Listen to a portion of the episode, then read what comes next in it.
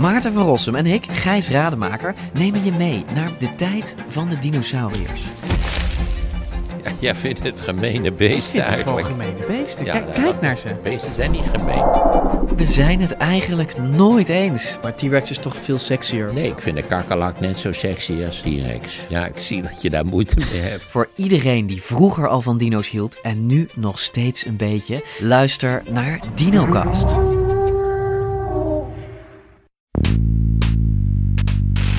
Politiek is krachtig en langzaam boren in harde planken met gedrevenheid en met augenmaas, met inschattingsvermogen. Dit is Betrouwbare Bronnen met Jaap Jansen.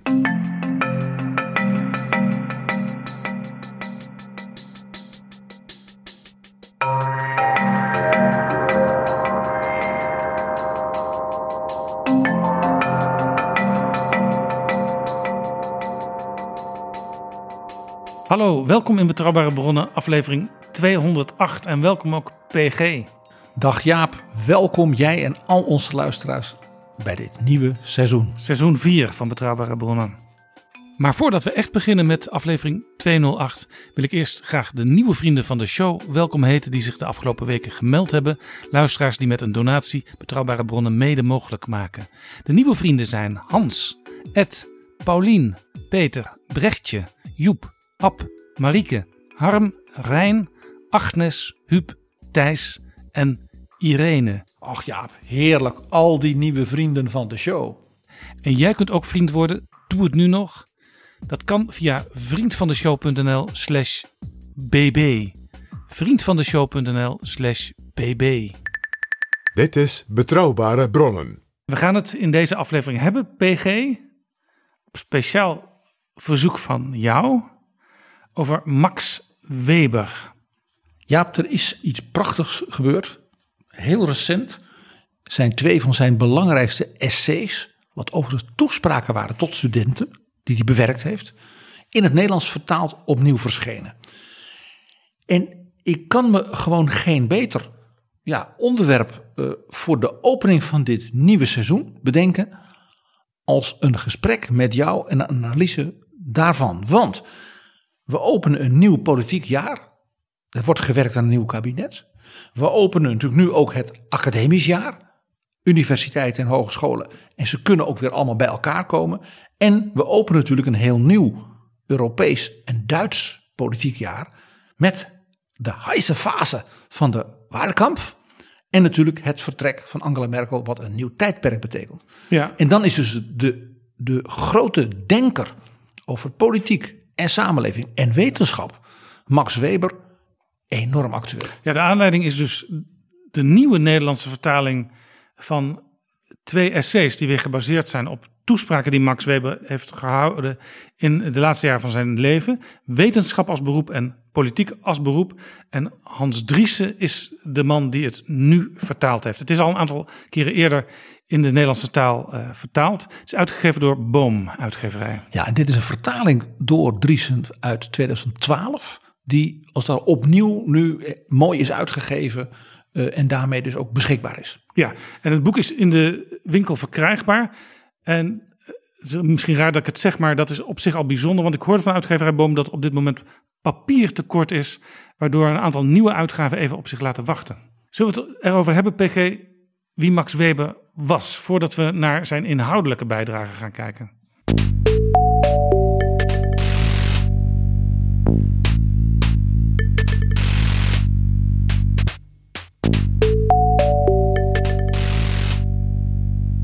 PG, Max Weber.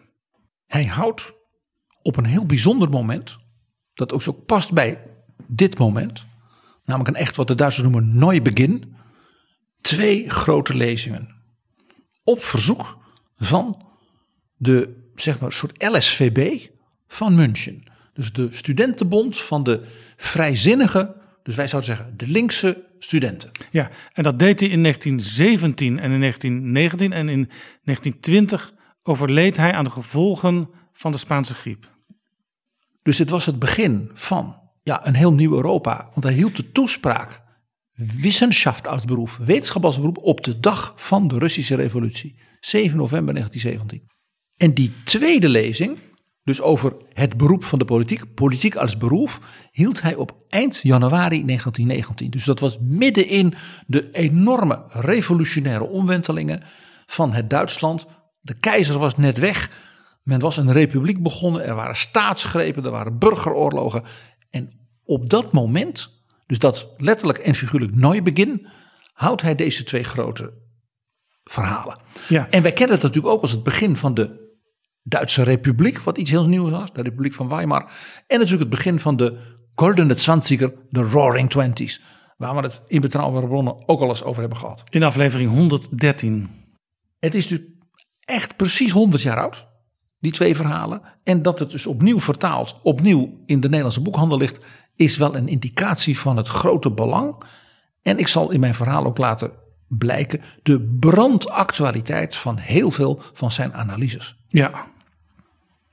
De kern is dus dat hij twee heel gedurfde beschouwingen heeft gehouden voor een groot publiek. Studenten, hoogleraren, media.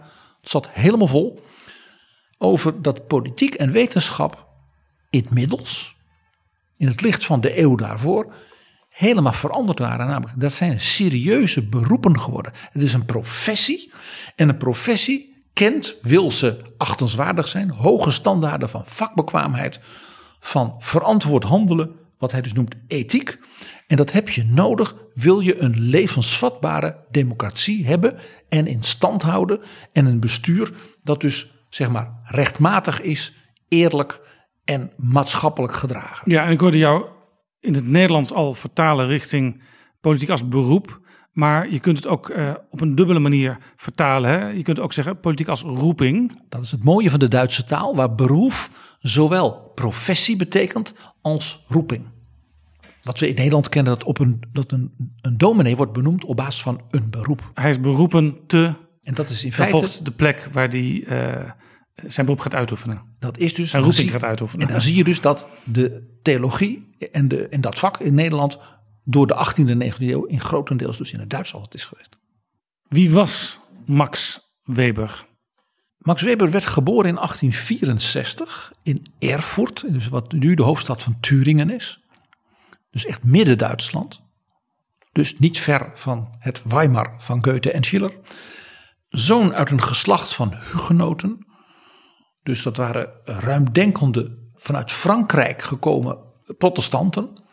Eh, een, ge- een geslacht van geleerden, politici. Eh, eigenlijk ook zijn broers en zussen waren allemaal mensen met ja, een enorme staat van dienst. Zijn vader was rechtsgeleerde en ook zelf lid voor de liberalen van eh, de Reichstag, zeg maar van Bismarck. Die heette ook Max Weber. Was ook Max Weber senior. Ja, wat, wat moet je van Max Weber zeggen? Het was een geleerde, zeker. Eh, hij is eigenlijk de eerste grote socioloog. In de zin van dat hij van dat vak van, wij zouden zeggen, maatschappijwetenschappen, een vak maakte.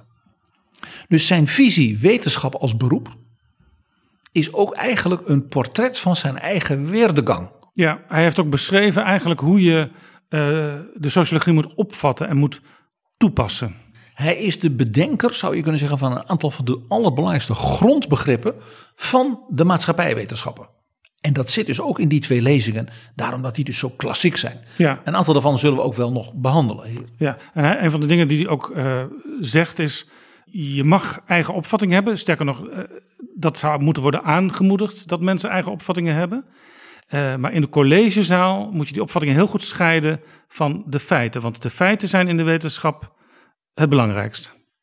Ik zal daar iets van vertellen straks. Daar had hij ook weer zo'n typisch Duits begrip, weet je wel, dat de stempel drukt op dat hele wetenschapsgebied. Dat noemde je weertevrijheid.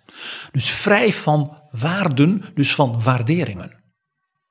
Van ik vind dingen, dat is mooi dat u dingen vindt. Maar dat is geen wetenschap. Dat was in die tijd, en zeker natuurlijk in de eeuwen daarvoor, heel anders geweest. Nou, hij was econoom. Hij was, eh, m- nou ja, cum magna laude of zoiets, als rechtsgeleerde eh, gepromoveerd, al heel jong. Hij was filosoof, wetenschapsfilosoof. Hij was een groot onderzoeker van de, zeg maar, historisch, spirituele, maatschappelijke achtergrond van godsdiensten. Hij wist dus ontzettend veel van alle mogelijke godsdiensten in de wereld. Ja, hij was ook nog steeds bezig met uh, het onderzoek van godsdiensten. En uh, heel jammer, hij is, uh, omdat hij zo vroeg overleed, niet meer aan de islam toegekomen. En dat was ook da daarom ook zo jammer, want dat was ook nog een wereldreiziger. En hij was zelf ook politicus. Al zei hij, als geleerde moet je dat niet doen, zei hij, maar ik heb een geheime liefde en zij heet die politiek. Ja, maar hij is zelf nooit praktijkpoliticus geworden? Tot het eind van zijn leven. Daar zullen we het nog wel even over hebben. Hij kon toen natuurlijk niet weten dat hij heel snel, toch relatief jong, zou sterven. Ja, je hoort eigenlijk al, Jaap, we hebben het hier over een soort Duitse Abraham Kuyper. Een geleerde, een, een schrijver, een filosoof, een denker, een uitdagende intellectueel, een reiziger in de ja, hele wereld. En ook iemand die net als Kuyper uh, de overeenkomsten en het in elkaars verlengde liggen zag van politiek en journalistiek. Goed schrijven, lezingen houden. Nou, Kuiper natuurlijk een groot redenaar. Dat was uh, Max Weber ook. Max Weber was net als Kuiper enorm populair. Dat klinkt misschien raar, maar zeker bij de studenten. Maar ook bij de media, ook bij een groot publiek. Als hij sprak, dan waren de zalen vol. En hij sprak niet één keer. Hij heeft bijvoorbeeld bij de eerste democratische verkiezingen in de Republiek van Weimar tientallen grote verkiezingstoespraken gehouden en ook debatten gedaan met andere intellectuelen, zeg maar, van links en van rechts. Ja. De vergelijking met Kuiper dringt zich op en hij was een beetje, ja, een beetje een soort superster onder de jonge hoogleraren. Een beetje wat Robert Dijkgraaf in Nederland bij de Beta's was. Hij was een beetje de Einstein van de gamma's, om het maar zo te zeggen, in zijn tijd. ja dus de kranten schreven over hem. Hij publiceerde ook essays. Uh, in de Eerste Wereldoorlog is hij zelfs heel veel gaan publiceren over hoe hij dus de toekomst van Duitsland zag. Uh, eerst in de zin van hoe kunnen we nog winnen daarna. We zullen dus moeten, ja, ons moeten democratiseren, anders komt er een opstand van het volk. Hij was is ook een, iemand die zich door die omstandigheden, revolutionaire omstandigheden van zijn leven, liet beïnvloeden van wat vind ik hiervan. Ja, hij paste zich dus wel aan, aan omstandigheden, ook al was hij misschien in eerste instantie niet altijd blij met de ontwikkeling zoals die zich voordeed. Ja, hij was dus een heel politiek denkend mens.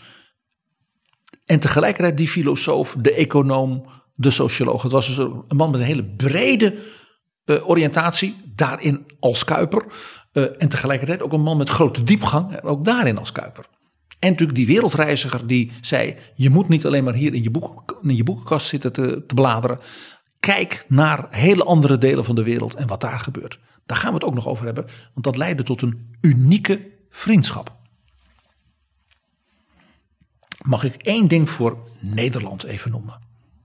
Voor het begrip van de Nederlandse geschiedenis is Weber van de grootst mogelijke betekenis. Hij is namelijk de man van de zogenaamde Weber-these. En een van zijn analyses van de ontwikkeling van godsdiensten was de ontwikkeling van het protestantisme. Hij was zelf ook evangelisch, zoals dat heette. Een gelovig protestant. Maar als geleerde zei hij van, kijk, als je nou kijkt naar de geschiedenis van Europa en de wereld, dan zie je toch een heel opvallend element. Dat de Calvinistisch-protestante landen, de Nederlanden, Schotland, New England en daarmee Amerika, ook wel elementen in Scandinavië, maar een stad als Hamburg, dat die dus iets gemeen hebben. Er was dus een soort cultuur van soberheid, ondernemendheid, uh, kritisch denken. Uh, men, men, was voortdurend met elkaar ruzie aan het maken, kerkscheuringen en wat dan niet, over ideeën. Over de Bijbel, over wat God nou eigenlijk wilde, hoe de wereld in elkaar zat. Dus men ging ook met bootjes die hele wereld verkennen. En hij zegt dus het kapitalisme, die, dat economische idee van je moet voor jezelf een succes maken, plus democratie, vrijheid, kritisch debat en de wereld verkennen, dat hangt samen met der Geist des Protestantismus. En hij zei dus de geschiedenis van Nederland, van Amerika en van bepaalde delen van Duitsland en, en Scandinavië. En daarmee zegt hij van de, het ontstaan van een wereldomspannend, liberaal, kapitalistisch systeem is geworteld in het Calvinisme met name. Dus voor het begrip van de, de bijzondere rol van Nederland zeg maar, in de geschiedenis, onze gouden eeuw en alles, is dus het werk van Weber voor heel veel mensen in Europa een eye-opener. Zegt hij in feite dat het een soort lotsbestemming is voor een land als Nederland? Nou, nee, dat is te gevaarlijk, want dan is het iets wat je als ware voorspelt. Nee, hij zegt terugkijkend. En zegt daarmee dus ook het meer Lutherse, wat meer eh, zeg maar, op de overheid, wat gehoorzame deel van het protestantisme, zoals grotendeels in Duitsland, had dat dus niet. Hij zei die zeg maar eigenwijze, uh, ruziemakende, met elkaar de hersens inslaan over wat er in de Bijbel staat, uh, kerkscheuringen. De pilgrimvaders die dus niet meer, die gingen dus op een bootje naar Amerika om voor zichzelf te beginnen. Hij zei dat voor jezelf beginnen is natuurlijk kapitalisme. Als je dan naar Nederland kijkt, dan zou je de conclusie kunnen trekken dat Nederland nooit een, een echt sterke staat heeft gehad. Dat komt hieruit voort. Het eigenwijze, het particularisme. Uh, en ook de, de, groei en bloei van het maatschappelijk middenveld. Ja, proberen het er met elkaar uit te komen, maar je behoudt wel je eigen standpunt, je eigen zuil, je eigen partij. Ja, Soevereiniteit in eigen kring. Soevereiniteit, heel Kuiperiaans dus daarin. En een heel belangrijk punt, is ook een woord van hem, zoals hij heel veel zeg maar, kernbegrippen, geschiedenis, sociologisch, economisch, heeft bedacht. Hij zei, hoe noem je nou die geest van die Calvinisten? Denk ook aan die Amsterdamse handelslieden in hun zwarte, ja, innerweltliche askese. Dus ascese, dus extreme soberheid binnen de wereld. Niet in een klooster, vroom bidden en maar wel natuurlijk de koning in het goud en met de kerken allemaal opgesierd. Nee, de kerken zonder schilderingen, zonder beelden en dat soort dingen.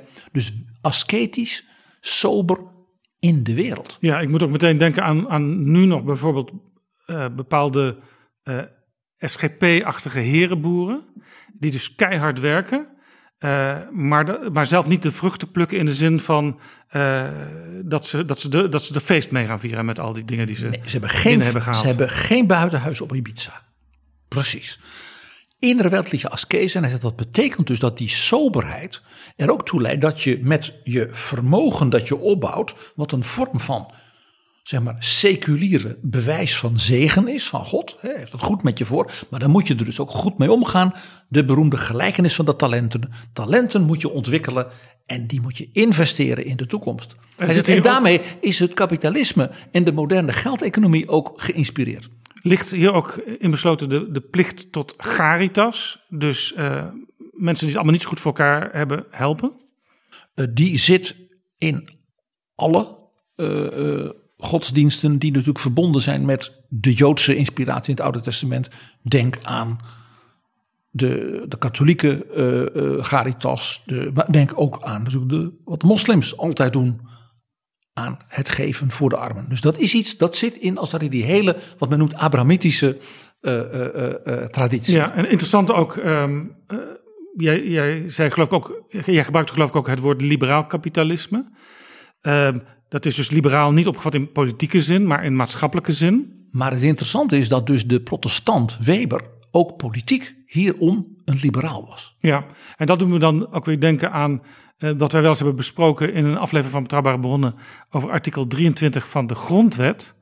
Uh, want daar kun je dus ook, zeg maar, in liberaal opzicht heel verschillend tegenaan kijken tegen zo'n artikel. De vrijheid van onderwijs heb ik het over. Zeker, en dat doen de liberalen dan ook. Ze zijn er al een eeuw onderling, maken ze de ruzie over. Ja, je kunt dus zeggen van, uh, zoals eigenlijk de Fransen doen, althans de Franse staat, namelijk zo min mogelijk particuliere vrijheid om onderwijs in te richten.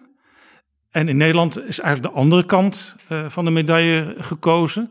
Uh, namelijk uh, groepen mensen zoveel mogelijk vrijheid geven en dat ook nog laten bekostigen door de overheid. Ja, dat, dat, is het verhaal wat we vaker horen. De werkelijkheid in Frankrijk is dat een zeer groot deel van het Franse lager onderwijs gewoon katholiek is. Nou, nog één ander fundamenteel ding van Weber, wat nu waarom hij voor het begrijpen van Nederland zeg maar, in de wereld zo'n interessante man is. Natuurlijk is, heeft men zijn opvattingen daarna ook wel eens bestreden en gerelativeerd. En, maar het was dus een doorbraak in het denken, zoals zoveel bij Weber. Hij is de man die zei, als socioloog, de manier waarop mensen als het ware hun samenleving organiseren, dus met elkaar dingen organiseren. Hij zegt, daar zijn eigenlijk twee grote modellen voor. Dat, hij zegt het een is Gemeinschaft en het andere is Gesellschaft. En bij gemeenschap moet je denken dus aan bijvoorbeeld door godsdienstige, traditionele banden gesmeed model. samenleving. En Gesellschaft is dus maatschappij. Ja, Gezellen, maatschappen die met elkaar afspraken maken en dergelijke. Ik heb ooit eens een keer een gesprek gehad met Mark Rutte, waarin dat ineens aan de orde kwam. Toen zei hij: Je had een hele mooie tekst gemaakt, maar overal waar het woord samenleving staat, vervang dat door maatschappij. Wij liberalen gebruiken niet dat Roomse woord samenleving. En dit is dus puur Max Weber. Dat je zoals Mark Rutte, historicus, begrijpt dat het woord samenleving en het woord maatschappij, dus dat dat, in de Weberiaanse manier van denken twee verschillende modellen zijn. Ja. PG, dat boek dat nu dus opnieuw in het Nederlands vertaald is, wat al vaker gebeurd is. Wetenschap als beroep, politiek als beroep. Gebaseerd dus op twee lezingen die hij in 1917 en 1919 hield. En heel erg uitgebreid tot, tot zeer uitgebreide essays. Daar gaan we het nu over hebben. Ja, en omdat die twee lezingen zo'n ja, blijvende indruk hebben gemaakt, is vergeten dat het niet de titel van het boek was. Hij heeft ze namelijk als twee delen snel na elkaar gepubliceerd. De uitgever dacht dat verkoopt twee keer. Onder dezelfde titel, namelijk Geistige Arbeid als beroep. Geestelijke arbeid. En dan als ondertitel wetenschap en die tweede als ondertitel politiek. Dus hij zag hier ook nog het eigenlijk als één publicatie, namelijk zowel de wetenschapper als de politicus zijn dus mensen die een, dat beroep, ja, die professies zijn zich gaan ontwikkelen binnen een breder iets. Namelijk wat hij dus noemt geistige arbeid, werken met je hoofd. Wij zouden zeggen kenniswerkers. En het interessante is ook hier weer, bedenkt dus Weber, volkomen origineel, een nieuw begrip. Een nieuw ook sociaal begrip van soorten werk, soorten inspanningen van mensen. We hebben dus nu al in een kort bestek, Jaap, een hele serie fundamentele begrippen. In het Duits natuurlijk. Die dan ook vertaald zijn in de hele wereld. En die, dat je allemaal zegt, dat komt dus van Max Weber. Ja, en, en het was ook het juiste moment om dat eens goed te gaan opschrijven. Hoe, de, hoe de wetenschap en hoe de politiek zich ook beroepsmatig ontwikkelde. Omdat bijvoorbeeld de politiek, weet ik, is heel lang uh, ja, een, een, een, bijbaantje geweest. Eigenlijk zoals nu nog steeds de Eerste Kamerleden één dag in de week bijeenkomen. Uh, maar daarnaast allerlei maatschappelijke taken elders hebben. En wat natuurlijk speelde 1917, 1919 was dat natuurlijk in Europa en de, in de wereld. Natuurlijk zo de politiek, de samenleving natuurlijk drie keer over de kop gingen. Letterlijk en figuurlijk. Ja, het was permanent crisis. In november uh, 1917 dat hij die toespraak houdt op de dag van de Russische revolutie, weten wij dus nu. de volgende ochtend in de krant stond uh, uh, Bolsjewieken grijpen de macht in Moskou en Petersburg. Ja. En, en dat was dus op dat moment, de studenten in die zaal hadden honger. Ja. Want er was op dat moment in Duitsland honger. Ja, er wordt nu heel vaak gezegd en ook gezucht door mensen. Het gaat allemaal zo snel, ik kan de ontwikkelingen in de maatschappij niet meer bijhouden. Uh, mensen worden ook uh, ongerust en, en, en, en opstandig. Maar die periode was in feite nog veel turbulenter als je terugkijkt. Uh, vergeleken bij 1917, 1918, 1919 leven wij nu in een soort heerlijk soort vakantiepark waar verder niks aan de hand is. Revolutie, hongersnood, Spaanse griep, ongelooflijk veel doden en zwaar gewonden hè, aan de fronten in de Eerste Wereldoorlog, enzovoort, enzovoort, enzovoort. Ja. Op dat moment nodigen de studenten hem uit tot een soort wat de Duitsers noemen grundsatzreden, ja, fundamenteel verhaal. Hoe ziet u ons beroep van straks? He? Want wat, wat moeten wij nu? He, er staat ook iets in van, kom het ons vertellen, professor. Ja, heel interessant, want in eh, zijn reden politiek als beroep zegt hij tegen die studenten aan het eind van zijn verhaal.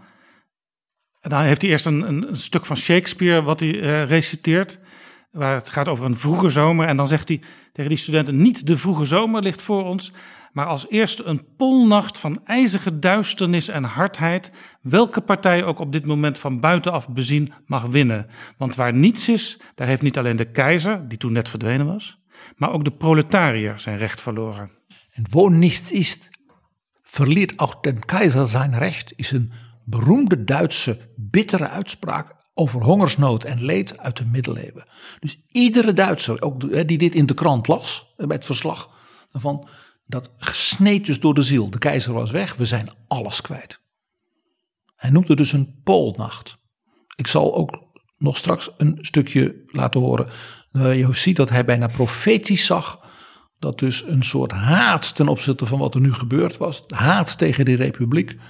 Dus de, de, de, de, het zaad van de ondergang in zich droeg. Als dus de jonge Duitsers niet dapper zouden zijn. Ja, de, de- de ondergang die hij zelf persoonlijk niet meer zag meemaken omdat hij in 20 overleed. De zaal zat stampvol, want hij was, hè, ik zei het al, een ster. Hij was een geweldige redenaar. Je kunt dus ook die essays nu echt met, met smaak lezen. Hij gebruikte heel veel, zelfs wat ondeugende humor. Om de studenten als het ware even aan het lachen te krijgen en te zeggen van, volgen jullie me nog? Eh, hij vond het heerlijk om in kleine terzijdes, zeg maar niet alleen de studenten, maar ook de aanwezige hoogleraren, eh, eh, bestuurders, journalisten te provoceren. Ik zal daar een heel opmerkelijk voorbeeld van geven. En hij wist ook dat als hij een uitdagend begrip zou gebruiken, dat natuurlijk de kranten dat allemaal zouden oppikken. Hij was dus ook heel knap in one-liners.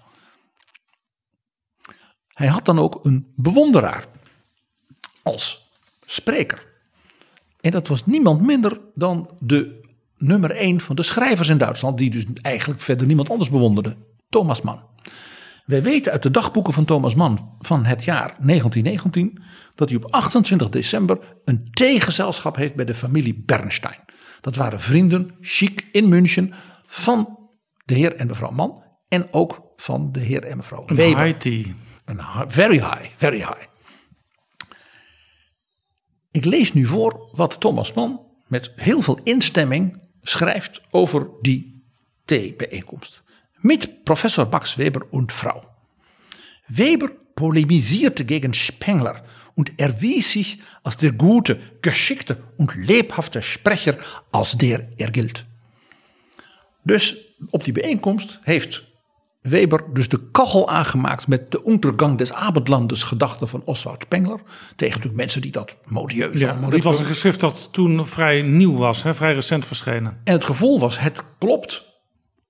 Want de keizer is ondergegaan. De tsaar is doodgeschoten. Ja, eh, de communisten zijn aan het bewind. Het is oorlog overal. En eh Dus binnenkort veel bij mensen ons zagen ook. het als een soort profetisch boek. volledig profetisch. Zoals bij sommigen in Nederland nu nog steeds.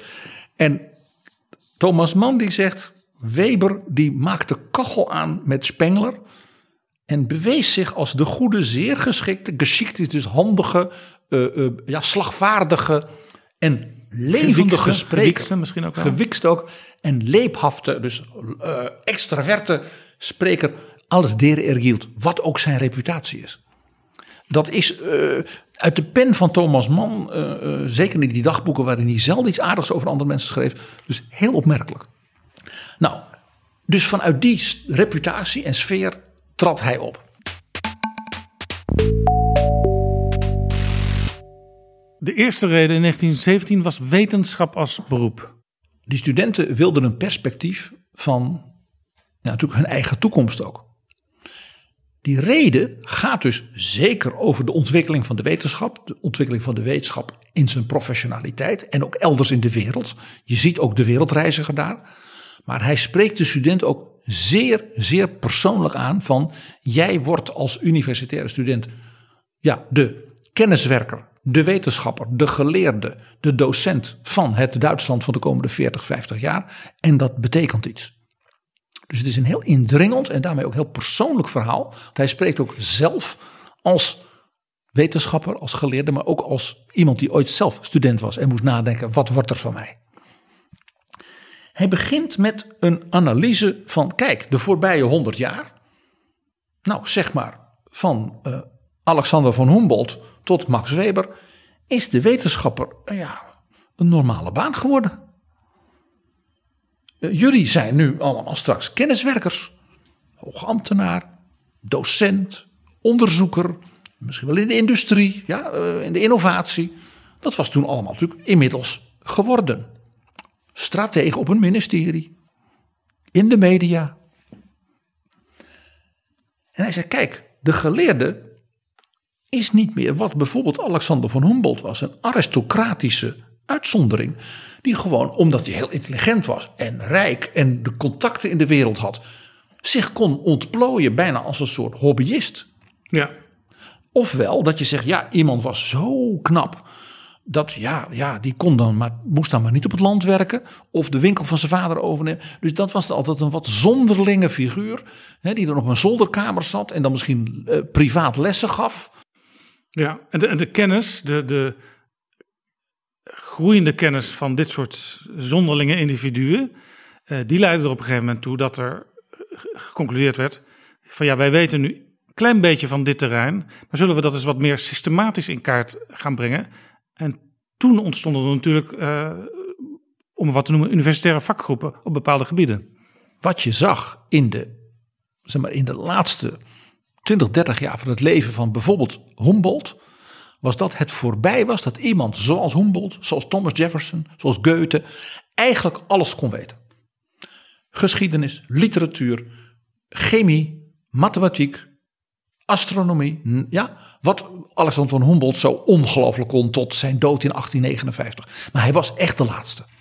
Daar, daarna, in die tijd, begon al de specialisatie. Mensen wisten alles van sterrenkunde. Maar dat betekende niet dat je ook nog verstand had van virussen. Iets wat we vandaag van de dag ook even af en toe ons moeten voorhouden. Dat als je alles wist van de medische wetenschappen, wist je misschien helemaal niets van oude talen. Ja, ja het specialiseren, eh, dat ontstond in die, in die tijd. Eh, zoals, je, zoals je nu bij wijze van spreken, eh, je begint in de brugklas met alle vakken en dan langzamerhand ga je bepaalde richtingen kiezen. Dat betekent dus ook dat een kenniswerker, in de zin zoals Weber ze nu analyseerde, dus een expert was in een smal gedeelte van de kennis. En dat dat dus niet betekent dat zo iemand minder was dan Alexander van Humboldt.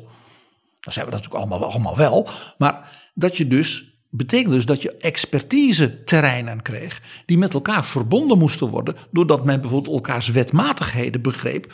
en dus elkaars onderzoeksmethoden ook kon controleren. Dat betekent dus dat je standaarden moest hebben. Dat het ethisch verantwoord was wat je deed. Dat je er niet maar, maar, maar aan rotzooide. Dat je plagieerde. Dat je onderzoeksresultaten vervalste. Allemaal dingen waar je denkt: hé, daar hebben we de voorbije jaren ook wel eens over gehoord. Ja, nee, zo herinner ik me bij politicologie, wat ik gestudeerd heb, dat daar ook gekeken werd naar onderzoeksmethoden van de sociologie. Want in feite was politicologie natuurlijk een soort van tak van de sociologie. En dit komt van Weber. Deze manier van denken. En hij zei nog iets. Hij zei: de geleerde heeft nog iets wat hij kwijt is. Dus dat universele ideaal van Goethe, Jefferson, Humboldt, dat is voorbij. En er is nog iets voorbij. Hij zegt: vroeger kon je als geleerde zeggen: ik heb dat gelezen, ik weet dat, God wil dat, of ik ben benoemd door de koning of door de paus, dus ik heb gezag. Ik ben dus onaantastbaar. Hij zegt nee, die wereld is entzauberd. De wereld is onttoverd. Dus je bent niet meer een tovermeester. Je moet op basis van de feiten, het feit dat je op een correcte manier en intelligente manier onderzoek doet, hypothese, analyse, bewijsvoering, moet je laten zien dat wat jij brengt als analyse, dat dat nuttig is. Ja, en moet dus ook controleerbaar zijn en op die manier te verantwoorden. En controleerbaar dus voor vakgenoten, voor critici, voor recensenten en voor zelfs de buitenwacht. En bijvoorbeeld bij het docentschap door de overheid. U moet een diploma afleggen voordat u Europees ambtenaar kunt worden. Om eens wat te noemen. Nou, hij zei dus de wetenschap is het beoefenen van een analytisch vakgebied waarin je moet verantwoorden. En voor die verantwoording doe je aan de hand van serieuze, professionele, dus in, de, in het vakgebied erkende standaarden. Wat wij nu zouden noemen accreditaties, eh, peer reviews. Dat is dus als het ware ontstaan, gesystematiseerd in het denken van een man als Weber. Je kon je niet langer verschuilen achter je benoeming door de paus of de koning. Dat betekende voor hem dat hij zei: ja, dat betekent niet dat de wetenschapper dan maar geen ideeën meer moet hebben. Integendeel. Je bent niet meer de man die namens de paus dingen zegt. Maar namens wie dan? Hij zei: nou, namens jezelf. Dus jij moet gaan bedenken welke analyse, welke wetenschappelijke theorie, welke manier van kijken naar het universum, mijn vakgebied, is het mijne. Hij zegt, en daar moet je je dus in verdiepen en dat moet je dus ook verantwoorden in je werk. Van ik denk zo, dat komt omdat ik deze analyse gebruik, daar gebruik ik dit voor. En ik heb nu onderzocht, hoe zit dat nou? Klopt nou mijn analyse wel of niet? En hij zei, wat je dus vooral niet moet doen, is dat je gaat knoeien. Dat je zegt, ja, omdat ik dit vind, ga ik nu bijvoorbeeld die gegevens niet vertellen. of ik ga dat proefje wel doen en vooral die proefjes niet. Nee. Wees eerlijk van waaruit je het doet. En, we- en wees controleerbaar. En het grappige is dat Weber om die reden een groot bewonderaar was van Karl Marx. Want hij zei, Karl Marx is een man die heeft opvattingen, zeker. Maar de wetenschapper Marx, hoe hij dus zijn economische theorieën, Weber was natuurlijk zelf econoom en socioloog. Hij zei, hoe Marx dat doet is wetenschappelijk van zo'n uitzonderlijke kwaliteit. Ja, dus zeg maar de redenering van Marx op basis van de door hem bestudeerde geschiedenissen, En economische wetten, die staat recht overeind, ook in de, de visie van Weber. hij zegt, ik ben het er volstrekt niet mee eens. Maar dat mag. Hij Ja. zegt, maar zijn manier van denken over hoe, hoe de economische wetmatigheden uitwerken op de samenleving is ongelooflijk knap. En dat is heel inspirerend. En ik ben het er niet mee eens. Maar het is een enorme, zeg maar, ja, een, het is een meesterwerk waar je als andere geleerden weer lekker tegenin kunt gaan. Ja, en nou het voort kunt bouwen. vraag, want Marx is natuurlijk gebruikt, misschien wel misbruikt zou je kunnen zeggen, a- als een soort eh, waarzegger naar de toekomst toe. En dat, dat gaat dan te ver. Precies, zoals Marx ook zei, ik ben geen Marxist. Weber was dus ook een bewonderaar op dezelfde manier van Friedrich Nietzsche. Waarvan hij ei- precies hetzelfde eigenlijk zei. Hij ik ben het volstrekt niet mee eens. Maar het is geniaal. De eerste taalkundige, Nietzsche, die was ook geniaal. Dat werk van hem is ongekend. En vervolgens is hij dat, ja, dat filosofische construct van hem. Hij zegt dat is dus buitengewoon knap. Dat betekent niet dat je moet zeggen dat, dat het allemaal klopt. In de zin van dat je het ermee eens bent. Hij zegt maar ook dit betekent, dit is een denker waar we nog even mee bezig zijn. Ja, Net ja want je Marx. kunt dus, ook al ben je het geheel niet eens met, met zo'n wetenschapper, eh, toch jouw werk mede baseren op het werk wat die wetenschapper al gedaan heeft. Omdat je zegt, de wijze waarop deze wetenschapper vanuit zijn ideeën de wetenschap vooruit heeft geholpen met zijn theorievorming. Toepassen daarvan, lessen uittrekken, foute dingen opnieuw proberen. Wat eh, zie ik, kan ik, kan ik het beter analyseren. Hij zei, daar had hij als dus wetenschapper, hij, dan heb je dan als vakman bewondering voor. En dat noemde hij dus de weertevrijheid. Je bent dus vrij van, zeg maar, vooroordelen, hè? in dit geval waarden. Maar je hebt natuurlijk wel je eigen waarden. Maar je kunt dus daarbij respect hebben voor mensen die vanuit een andere manier van kijken, toch dat vak en die wetenschap vooruit helpen.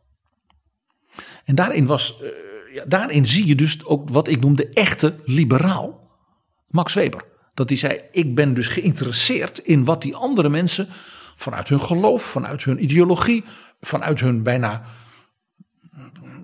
man zou zeggen, bijna waanzinnige eh, literair filosofische dromen als Nietzsche. Dat hij zegt, ja, maar ik vind het toch. Ja, ik, je kunt er niet omheen dat je zegt, dit is heel belangrijk. Ja, ja je, kunt, en, je kunt dus met behulp van wetenschap bepaalde maatschappelijke doelen, ik noem maar iets wat op dit moment heel actueel is, eh, kansengelijkheid, het, het gebrek aan kansengelijkheid en hoe zorgen we dat meer mensen meer kansen krijgen. Eh, dat kun je met allerlei wetenschappelijk onderzoek bekijken. Hoe, hoe bereik je dat nou in optimale zin? En dan kunnen wetenschappers elkaar tegenspreken. En dan kunnen politici uiteindelijk besluiten nemen, nou ja, we kiezen dan hiervoor. Want dat leidt waarschijnlijk het snelst tot dat resultaat. Of de manier om dat te bereiken is eerlijker. Want dan hoef je minder eh, honderdduizend leraren voor te ontslaan dan een andere manier. Ja, noem maar iets. Ja. Nou, ik vind het een hele mooi voorbeeld. Dat vond ik dus toen ik dit voorbereidde ook. Dat trof mij. Dat het de, e- de eerste politicus in Europa. die in een toespraak zich kritisch, maar vol bewondering. Inging op het werk van Friedrich Nietzsche. dat was opnieuw Abraham Kuyper. Weet je nog dat hij zei: de man is literair. en qua denken zo begaafd als Multatuli. en ik verwerp hem net zo hard als ik Multatuli verwerp. Ja. Dat hij zei, zijn manier van denken is briljant, maar levensgevaarlijk.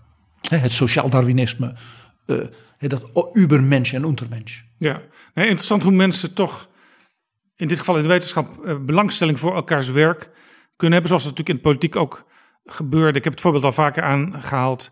Eh, aan de ene kant Thorbecke, aan de andere kant Groen van Prinster. Die zeer veel waardering eh, voor elkaars redenvoeringen hadden. En voor elkaars artikelen en elkaar in de Tweede Kamer de hersens insloegen. Om het even onaardig te En zeggen. vervolgens toch samen gingen dineren of thee drinken. En, en En ongelooflijk respect voor elkaar. Dus zowel intellectueel, want dat speelt hier dus ook, van het is intellectueel van zo'n klasse. Dus je moet echt je best doen om die manier van denken. Maar dat inspireert doordat je, oh, dat, jij ziet dat zo. En bij, bij, bij, bij Nietzsche, wat, wat Kuiper dus ook onderstreept, dat is, het is bovendien literair. Het is een gebruik van taal. Van, het is poëzie. Ja, eh, al zo spraat Zarathustra en zo. Maar levensgevaarlijk. Een man als Kuiper had dus, in zekere zin net als Weber, daar een enorm gevoel voor. Nou, hij zegt dus ook tegen de studenten, en dat is een sleutelpassage in Wissenschaft als beroep, dat hij zegt, ik ga jullie nu voor de rest van je leven een enorme waarschuwing meegeven.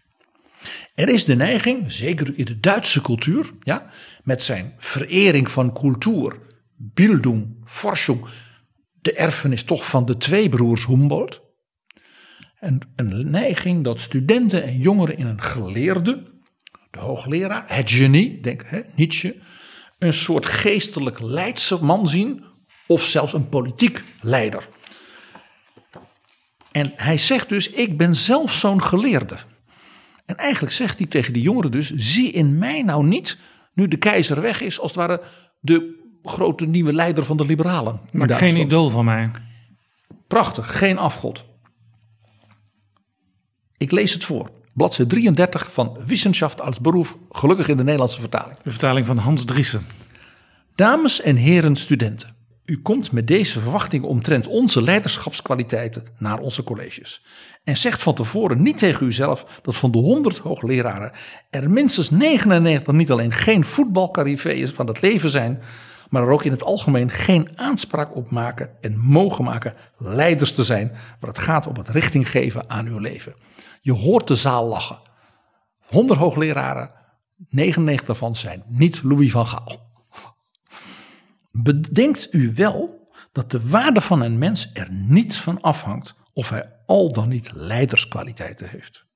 In elk geval maken de eigenschappen die iemand tot een eminent geleerde en academisch docent, je hoort hem zeggen als ikzelf, maken hem niet automatisch tot een leidsman op het gebied van de praktische levensoriëntatie, of meer in het bijzonder op dat van de politiek.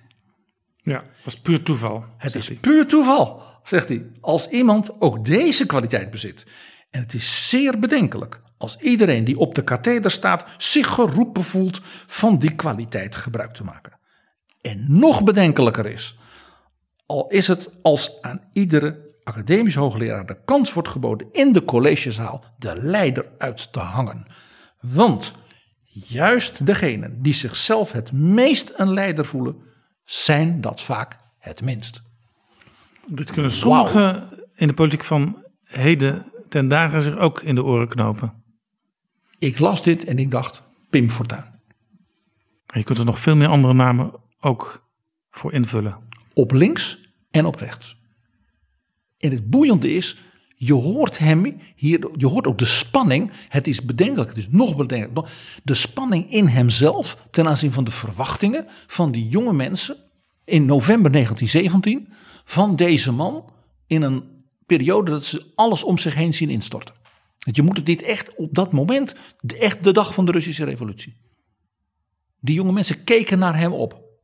Een groot deel van de jongeren, of misschien moet ik zeggen delen van de jongeren in de zaal, want ze, ze waren natuurlijk lang niet allemaal op, dachten ze in dezelfde richting. Die twijfelden ook en die dachten ook, misschien ben ik ook wel op zoek naar een grote leider. En misschien zijn wij met z'n allen wel op zoek naar een grote leider. En moeten we het daarover hebben wie dan onze grote leider is. Maar hij waarschuwt daar dus tegen Max Weber. diegenen die zichzelf zo zien als Führer, zijn dat het minst. Het is, het is, ja, er loopt ook een siddering over je rug. Tegen deze jonge mensen. Niet iedereen daarvan heeft hem daarna gevolgd. Wat hij natuurlijk ook deed, laten we nu omheen draaien. Dit was natuurlijk ook de provocateur, Max Weber. Want daar in die zaal zaten natuurlijk allemaal hoogleraren en zijn collega's in dat, waarvan er heel wat natuurlijk wel het mooi vonden als ze daar stonden. En ze werden bewonderd door die studenten in de kranten om zichzelf natuurlijk toch een beetje te coifferen. Dus hij zat ze ook nog een spiegel voor te houden. En dat was dus niet een of andere derde rangsfiguur die zei ik ook. Nee, de nummer één van allemaal. Ja. Die ze de spiegel voor hield. Ja, en, en, en er zaten mensen in de zaal Uh, er waren sowieso heel veel mensen toen in het Duitsland van uh, tegen 1920. Die zichzelf ook nog wel een hoofdrol uh, zagen spelen in de nabije politieke periode. En dat ook gingen doen. Nou, dan zijn we denk ik meteen, Jaap, bij die volgende lezing. Dit is Betrouwbare Bronnen, een podcast met betrouwbare bronnen.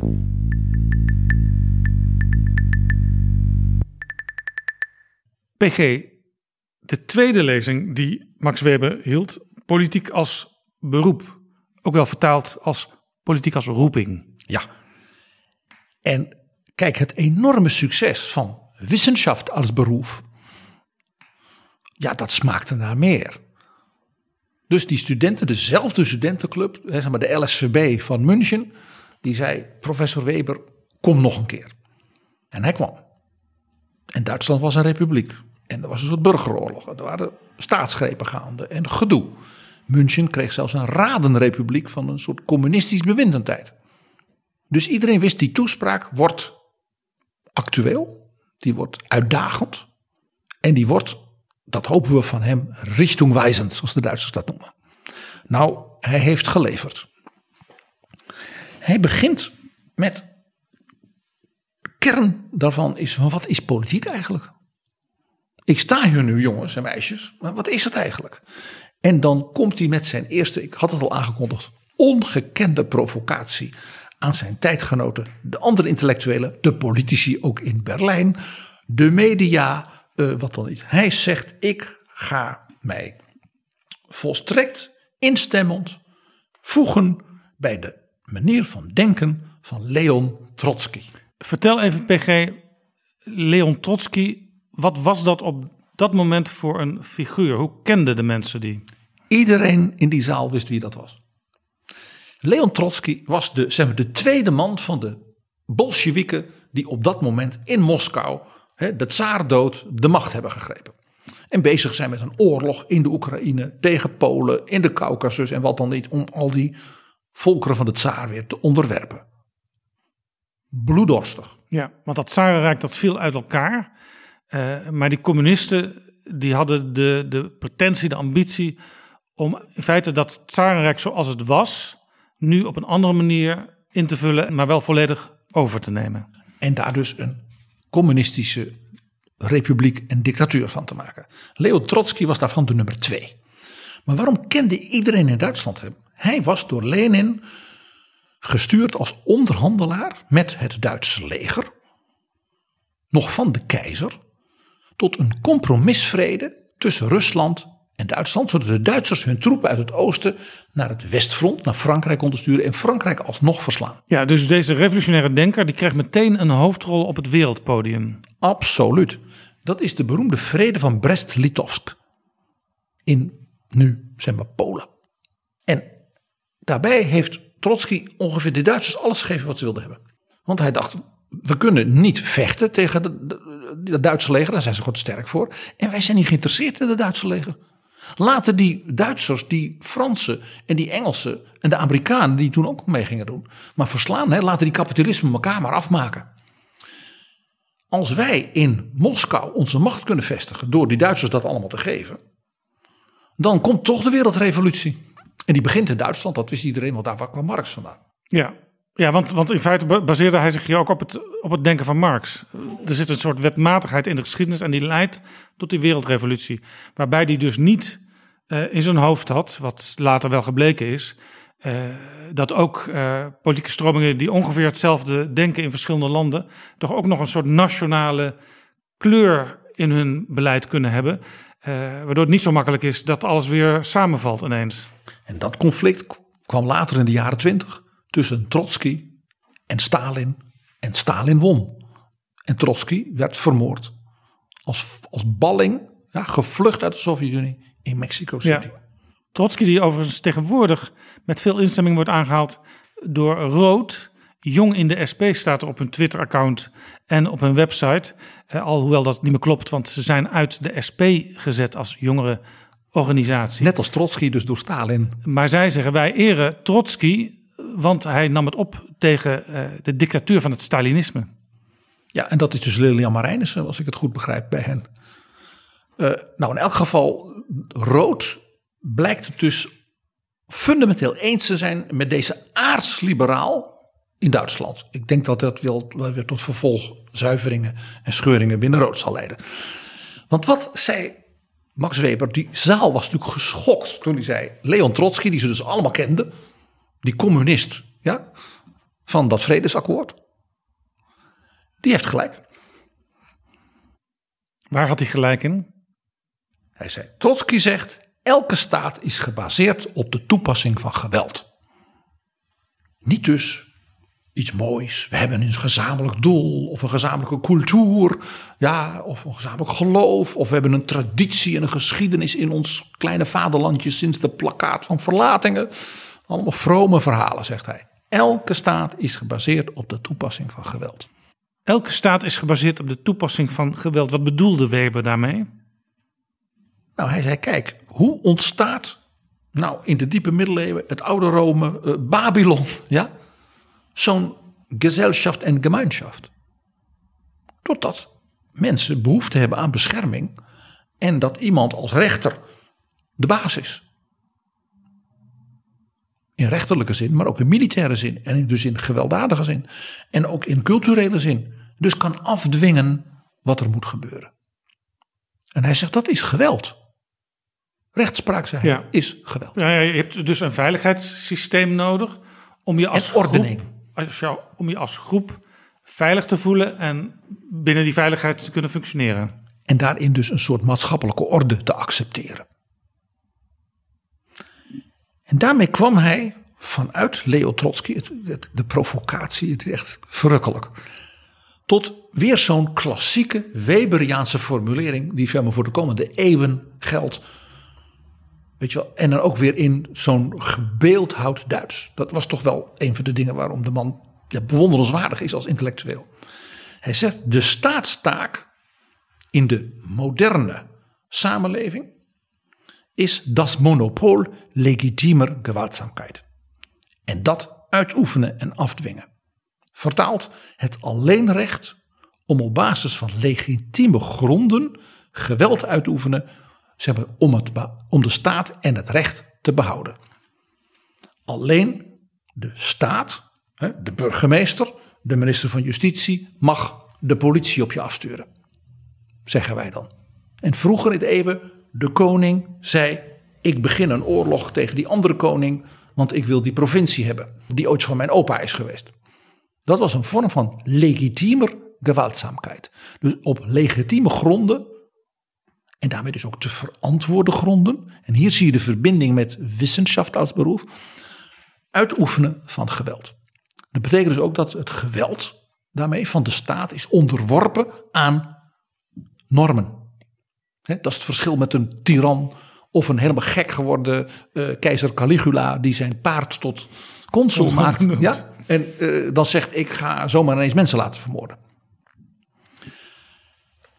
En hij zegt, wat is dan politiek? Dat is dus de manier waarop je die uitoefening van geweld legitiem vormgeeft en tot besluiten brengt. Wanneer besluiten wij dan dat we de doodstraf toepassen? Want dat is een vorm van legitieme geweldsuitoefening. En wanneer besluiten wij dat de doodstraf te erg is voor woorden? Of dat we zeggen de doodstraf dat kan, maar niet voor mensen onder de 16, om eens wat te noemen. Mag ik een heel bruut voorbeeld geven? De wet voltooid leven. Daarin zeggen de indieners vanaf 75. Dat is nou een prachtig voorbeeld van de Weberiaanse manier van denken. U mag geweld toepassen, maar binnen normen. De abortuswet, ook zoiets. Dat je ja, het mag, maar hè, de wet van Van Acht niet na zoveel weken en nadat er goed is gekeken en een dokter. En, dus al dit soort dingen die dus ook letterlijk dood en leven raken. Ik gebruik nu een aantal voorbeelden hiervan, je kunt andere ook noemen. Wanneer zetten we nou wel of niet het leger in? Daarvan zegt hij dat kan dus de staat doen. Legitiem. Maar dat moet je dan wel kunnen legitimeren. Ja, ja. En die normen en daarover praten en dat met elkaar besluiten en het dan ook handhaven, dat is politiek. Ja, schiet mij ook te binnen dat, dat, dat ook alle dictaturen houden nog heel lang vast aan uh, in ieder geval het idee van bijvoorbeeld een rechterlijke macht die oordelen velt en oordelen die ergens op gebaseerd zijn. De schijn van legitimiteit. Ja, en vaak als dat, als ook die laatste schijn verdwijnt, ja, dan is ook vaak bijna het einde van dat regime aangebroken, zie je in de historie. Ik geef één mooi voorbeeld. We hebben het een keer in Betrouwbare Bron over gehad. Dat Konrad Adenauer was op de meest gore manier ontslagen. Een van de eerste dingen die Hitler deed was het ontslaan van Konrad Adenauer als burgemeester van Keulen. Dat was natuurlijk in feite een groot eerbewijs. Ja. ja. En dat betekende dat hem zijn pensioenafspraken als hoogambtenaar dus waren afgepakt. En toen is Adenauer een proces begonnen tegen het Hitlerregime. Je denkt, je bent toch helemaal gek. Dat was hij natuurlijk ook. Dat won hij ook nog voor het ambtenarengerecht. Tot woede van de minister van Binnenlandse Zaken die erover ging, Herman Geuring. Dus die Adenauer die pakken we nog een keer. Nou, we weten, het is niet gelukt. Dit is een voorbeeld van, we doen nog net alsof er zoiets is. Wat ik zelf altijd een geweldig voorbeeld vind is Stalin. Die in 1936 persoonlijk de nieuwe grondwet van de Sovjet-Unie. Die had hij natuurlijk zelf geschreven voor de arbeiders. En daar, die grondwet was echt ontroerend mooi. Vrijheid van godsdienst, vrijheid van meningsuiting. Het volk kon klagen, alles kon. Er zat natuurlijk één gedachte bij. Stalin zei, kijk, als je beroep doet op die vrijheden en die klachten, dat betekent dat jij dus niet vindt dat je in een paradijs woont. Dan ben je dus strafbaar. Dit is dus de volkomen pervertering van dus Ja. dat monopolie Ja, op ja, legitiem geweld. Ja, in, in zekere zin is het ook heel actueel als je nu kijkt naar de situatie in Afghanistan, waar de Taliban de macht heeft eh, gegrepen. En de Taliban zegt op een persconferentie en ook in televisieinterviews: nee, vrouwen hebben eh, volkomen eh, alle rechten die als normaal worden beschouwd. Dan staat er een komma en dan staat er binnen de sharia. En dan is vervolgens de vraag, en dat kan elke deskundige bevestigen, eh, welke interpretatie van de sharia wordt vervolgens toegepast. En in dat opzicht is dus deze Taliban-verklaring geheel conform Weber. We hebben natuurlijk wel normen voor die legitieme geweldzaamheid. Eh, Ik vind een, een, afschuwelijk experiment op dit moment is hier vlakbij. Belarus. Ja. Dat is een Weberiaans experiment. Kan in het Europa van nu nog een, op een dergelijke volkomen normloze manier zeg maar, dus, eh, geweld worden toegepast door een overheid? Kan dat of kan dat niet? Ja, en, en dan komt ook de vraag op, die in het internationaal recht eh, heel belangrijk is. Wanneer grijp je in En hoe? in de nationale context van een ander land? Daar ligt eigenlijk een taboe op. Eh, en er moet wel heel wat gebeuren. Willen landen gezamenlijk zeggen wij gaan, of, een- of, een, of een land individueel op basis van het internationaal recht zeggen wij grijpen in. Zie Joegoslavië, zie Srebrenica. Zie jij hoe ongelooflijk fundamenteel deze toespraak van Max Weber was tot die studenten. En ook dus hoe hij in kernbegrippen, ja, fundamenten van, nou ja, als socioloog, filosoof, econoom, rechtsgeleerde bij elkaar kon brengen. Ja, he- heel interessant. Die, die, dat geweldsmonopolie, hè? elke staat is gebaseerd op toepassing van geweld. Legitiem geweld. Ja, dat is ook interessant als je kijkt naar eh, de ontwikkeling van de Europese Unie. Ik zeg altijd, wie Weber begrijpt, snapt waarom de USA een superstaat is en de EU nooit. Want de Verenigde Staten hebben een leger wat voor alle staten hetzelfde leger is, Er krijgsmacht. Is, er is geen krijgsmacht van North Dakota. De opperbevelhebber van de krijgskracht van North Dakota is Joe Biden. En de Europese Unie, zelfs al wordt er gesproken over Europese defensiesamenwerking, dat zal dan eerder een samenwerking à la de NAVO nu zijn. Namelijk landen die bijeen zitten en die hun bijdrage leveren. Nou, het zal vooral de logistieke ontwikkeling, de R&D, de cyber capacities, eh, het gezamenlijk bouwen van een vliegtuig in plaats van zeven kleine vliegtuigfabriekjes eh, die geen van allen wat kunnen. Dat zal het zijn. Maar er komt geen eh, leger met een helm op het hoofd van Ursula von der Leyen. Ja, dus je kunt ook zeggen, hoewel daar ook wel weer naar de economie en zo werd gekeken, maar dat eh, de Europese Unie als superstaat, zoals bijvoorbeeld eh, in het verleden rondom de discussie eh, van de Europese grondwet 2005 Harry van Bommel van de SP heel vaak zei. En, en Europa toen Ronald. Plasterk en nu weer. Dat dat dus een volstrekt misverstand is. En de Vorm voor Democratie ook heel erg nu. Ja, dan heb je dus Weber niet begrepen. De Misschien ook Europese, niet willen begrepen. de Europese Unie kan geen superstaat zijn omdat ze het nooit zal claimen dat monopool legitiemer gewaltzaamheid te hebben. En het beste voorbeeld daarvan zien we nu, dat heet Frontex. Hoe moeilijk het is om die gezamenlijke grensbescherming, waarvan iedereen zegt we moeten die Grieken helpen, we moeten die mensen daar bij Lampedusa helpen, dat moeten we allemaal doen. Er komt heel weinig van terecht. Ja. En waarom? Omdat dus het, de identificatie van de Unie met zo'n monopolie op zo'n specifiek punt al bijna niet lukt. Dit is Betrouwbare Bronnen. PG, politiek als beroep, dat mooie verhaal, eerste toespraak, toen essay van Weber. Daarin behandelt hij drie vormen van politiek in de praktijk. Ja, de wereldreiziger Weber, die ging natuurlijk die studenten iets meegeven voor, nou ja, hun, de rest van hun leven, hun denken over wat politiek is. Dus hij behandelt in grote lijnen met bijna ook, ook weer voor die zaal ondeugende, eh, ja, tot, tot gegrinnik en ook diep luisteren eh, details. Ten eerste het Verenigd Koninkrijk. Hij zegt, the mother of parliaments. En hij zegt, kijk, ze die kijkt nou naar die Britse politici. Daar is de cult van de amateur. Je bent van adel en je zit het in het House of Lords. Of je bent iemand van de gentry op het platteland en jij laat je zoon of je neef of zelf kiezen. Ja, flauwekulverkiezing natuurlijk in zo'n kiesdistrict. In het House of Commons. Hij zegt, het waren amateurpolitici en dat was dus goed. Een beetje onze Eerste Kamer. Hij zegt, dat wordt dus nooit daarmee politiek als beroep. Professionele standaarden kunnen dan niet.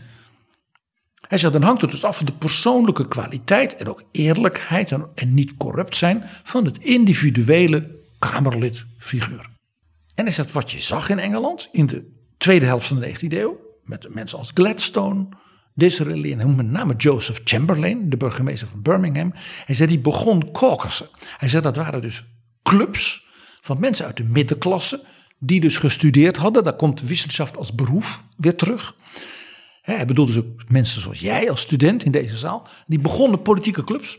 Rondom ideeën, rondom belangen. De vakbonden deden dat ook. Hij zei dat waren in feite ook allemaal middenklasse mensen. Er was ook, ook een manier om je politieke denken aan te scherpen. Die discussies in zo'n caucus. En dat was dus, zoals wij het in Nederland kennen in de verzuiling, de jongelingsvereniging, de activiteiten, de discussieavonden. Dat was iets van die tweede helft van de 19e eeuw. Dat zag hij dus. Ja, en zoals in de Nederlandse parlementaire geschiedenis de kamerclubs ontstonden van gelijkgezinde politici. Waaruit langzamerhand fracties ontstonden en partijen. En hij zegt, zo was dat in Engeland ook. Zo is de Tory Party ontstaan, zo is de Labour Party ontstaan, zo is de Liberal Party ontstaan. Hij zegt, maar Engeland heeft tot de dag van vandaag die cultus van de amateur. En hij zegt dus, een echte professionele politiek is er in Engeland door ambtenaren. Interessante analyse. Als je naar Brexit kijkt, als je naar, zelfs nu nog naar vandaag. Boris Johnson speelt ook nog altijd de amateur. Hij is eigenlijk journalist en eh, dit en dat en dat. En die doet hij er een beetje bij. Ja, dus, de- dus de ambtenaar die voortdurend yes minister zegt, die heeft het in feite voor het zeggen. Sir Humphrey Appleby was een bekende van Max Weber, zouden wij kunnen zeggen. Dan natuurlijk de Verenigde Staten. Al was het maar omdat hij daar heel veel had rondgereisd met zijn vrouw, samen. Zo'n beetje zoals Kuiper, Abraham Kuiper, ook rondreisde. Zelfs hetzelfde soort reizen met de trein naar Chicago. Dus niet alleen maar in New York en zo. Nee, ga naar het Middenwesten. Een beetje als Tocqueville ook. Rondkijken in die kleinere stadjes. Hoe is het daar georganiseerd? Hij ging dus ook naar de sociale inrichtingen van de stad Chicago. Hij zit wat die miljoenenstad met heel veel arbeiders uit Duitsland natuurlijk. Honderdduizenden hè, in, in Chicago. Dus hij ging ook rondkijken overal in Amerika. Zeer interessant, hij ging naar Tuskegee. Dat was de Zwarte Universiteit. En waarom was dat? Hij had in Berlijn als student een vriend gekregen uit Amerika. W.E.B. Webb Dubois. Dat was de absolute meest eminente intellectueel van de Amerikaanse zwarten. Die was net als hij een soort socioloog. Die analyseerde dus de gevolgen van de slavernij. En de nou ja, slechte behandeling ook na de slavernij. eh, na de burgeroorlog, waar we het met Pirmin in onze serie ook over hebben gehad al. En hij is dus in Amerika als witte hoogleraar uit Duitsland met zijn vrouw op bezoek geweest bij Web Dubois. En die hadden dus grote bewondering voor elkaars werk. En hij zei: Hoe doen jullie dat nou? Hoe, ja, hoe, hoe gaat het nu met die zwarte? Die slavernij is voorbij, maar de voorwaarden waaronder zij leven, typisch de socioloog, betekenen dat ze dus in een soort, ja, een soort, soort lijfeigenschap zijn. Maar je ziet die zwarten dus nu naar de industrie gaan, naar Chicago, naar New York, naar Philadelphia. En daar zie je ze dus zich organiseren in de kerk, in de koren, in de muziek, in de scholen. En daar zie je ze dus omhoog komen. Dus het is niet zo dat zwarte mensen inferieur zijn. Het is de verschrikkelijke erfenis, zoals in Rusland, van het lijfeigenschap. Ja, ze waren achtergesteld en daardoor leken ze tot minder in staat. Dat heeft geleid tot een heel bijzonder moment, een incident in 1910 op de Sociologentag in Frankfurt. Daar was hij natuurlijk de sterspreker. En daar waren toen ook mensen, wij zouden zeggen van de school van Houston Stewart Chamberlain, dus de sociaal-darwinisten, die zeiden de Ariërs zijn het superieure ras en de zwarten zijn allemaal minder en daarom, heb je, daarom moeten wij de baas worden. En toen heeft Weber het woord genomen, die heeft ze de mantel uitgeveegd. Die heeft gezegd, die rassentheorie, ineens, dat is volstrekt onwetenschappelijk. Uh, dat, die zogenaamde biologische analyses van Darwin, dat is flauwekul. Darwin gelooft daar zelf niet in. Ik heb voor u bovendien een uitstekend bewijs dat het onzin is. Dear gentleman Dubois. Dus hij noemde zijn vriend in Amerika als het bewijs dat dat niet klopt. Hij zet zijn werk als socioloog over de ontwikkeling van de zwarten in Amerika. En de kansen die zij krijgen en we hopen dat die dus verder kunnen. Maar ook de grote achterstanden die te maken hebben met dus de gruwelijke sociale omstandigheden. Waarin bijvoorbeeld hun ouders, hun grootouders zijn opgegroeid. Dat is de werkelijkheid. En wat u hier vertelt is volstrekte onwetenschappelijke flauwekul. Nou, groot respect. Als je een Duitse geleerde bent in 1910. Dat je daar bovendien je eigen ervaringen, rondkijken in de wereld, daarvoor gebruikt. En dat was dus ook een les voor zijn studenten. Ja, met zoveel humbug in allerlei redeneringen toen dagelijks om je heen. Dat was populair. Dat hele verenigingen die daarvoor waren. Aldeutsche Verband. En wat dan niet. Nou. En tot slot zei hij natuurlijk tegen zijn studenten. En ons eigen Duitsland dan. Nou, zei hij, wij zijn een gemankeerde, onvolwassen uh, ontwikkeling. Het parlementarisme, dus het ontwikkelen van een parlementaire democratie in Duitsland is gemankeerd. En dat is te danken aan de briljante manier waarop Bismarck dat Reich heeft gemaakt en die Reichstag heeft ingericht. Hij zei, want die man was natuurlijk een politiek genie. Ja, Bismarck eerst de minister-president van Pruisen en daarna bondskanselier in de Noord-Duitse bond. Rijks en rijkskanselier van keizer Wilhelm I. En hij zei, briljante man, geen discussie over mogelijk, maar een ramp. Want zijn autocratische manier van dat hele Duitsland en Pruisen beheersen hoe die die partijen tegen elkaar uitspeelde. Hoe die de baas was. En dat kon die. Dat was dus autoritair. En die geest van dat autoritair regeren, zo hoort het, zegt hij, heeft dus het parlementarisme en de vrijheid van politieke ontwikkeling in Duitsland afgeremd. Ja. En toen kwam na Bismarck zijn ontslag door de jonge keizer Wilhelm II. Die keizer met zijn slappe uh, kanseliers, die mocht natuurlijk niet zoals Bismarck zijn. En die keizer was natuurlijk een volstrekte gek. Ja, dit is interessant, hè, want de, de wetenschapper gaat uit van feiten, zoals Weber ook benadrukt. Dus hij kijkt naar de ontwikkeling van wat hij noemt het parlementarisme. En hij ziet uh, dat gaat verre van optimaal. En daar heeft ook, uh, zijn, zijn ook redenen voor. Maar als je dan met een politiek oog in die tijd, zeg maar jaren 10, jaren 20 naar kijkt, dan is het ook best wel gevaarlijk om uh, over dat parlementarisme op die manier te praten. Want dat kan ook antidemocraten een handvat geven om de, bij wijze van spreken, helemaal een eind aan te maken. En hij zei dus, wij moeten een volwassen democratie worden. En dat was dus een boodschap, januari 1919, aan die studenten. Hij zei in feite, ja mijn generatie nou misschien nog een beetje, maar jullie zullen dit moeten doen. Over Amerika zei hij nog iets. Hij zegt, kijk, het kapitalisme is daar natuurlijk gewoon het ding. Dus heb je de democratie in Amerika, dat gaat via machines, zoals de, machine. Ja, denk aan Mayor Daley in Chicago, de klassieke machine. Hij zei, en die hebben een bos. Hij zei, dat heet zo in Amerika, dat is een bos. Hij zei, die treedt niet naar buiten. Dat is niet een groot spreker, een redenaar of in het parlement of zo. Hij zei, die organiseert gewoon dat zeg maar, de opbrengsten van de partij in die staat of in die grote stad, een Chicago, een Philadelphia en Atlanta, wordt verdeeld. Het spoils system. En de financiers van de bos krijgen dus een aandeel van het werk. Hij zegt dat is ook een manier van je democratie organiseren. Hij zegt en daarom dat in Amerika die partijen, de Grand Old Party van de Republicans en de Democrats, dat die in feite helemaal niet bestaan. En dat was toen al zo, dus nu 100 jaar geleden, waar uh, nu uh, vaak in Amerika mensen zeggen van ja, de, de macht van het geld in de politiek, daar moeten we een eind aan maken. Of althans moeten we flink verminderen. En daar zijn vaak heftige debatten over. Want ja, mensen die, die nu eenmaal tonnen of miljoenen krijgen vanuit de industrie als politicus, die, ja, die willen dat niet zomaar afstaan. Ook hier, uh, het is of Weber met Michael Wolff op bezoek was in Mar-a-Lago onlangs. ja, ja.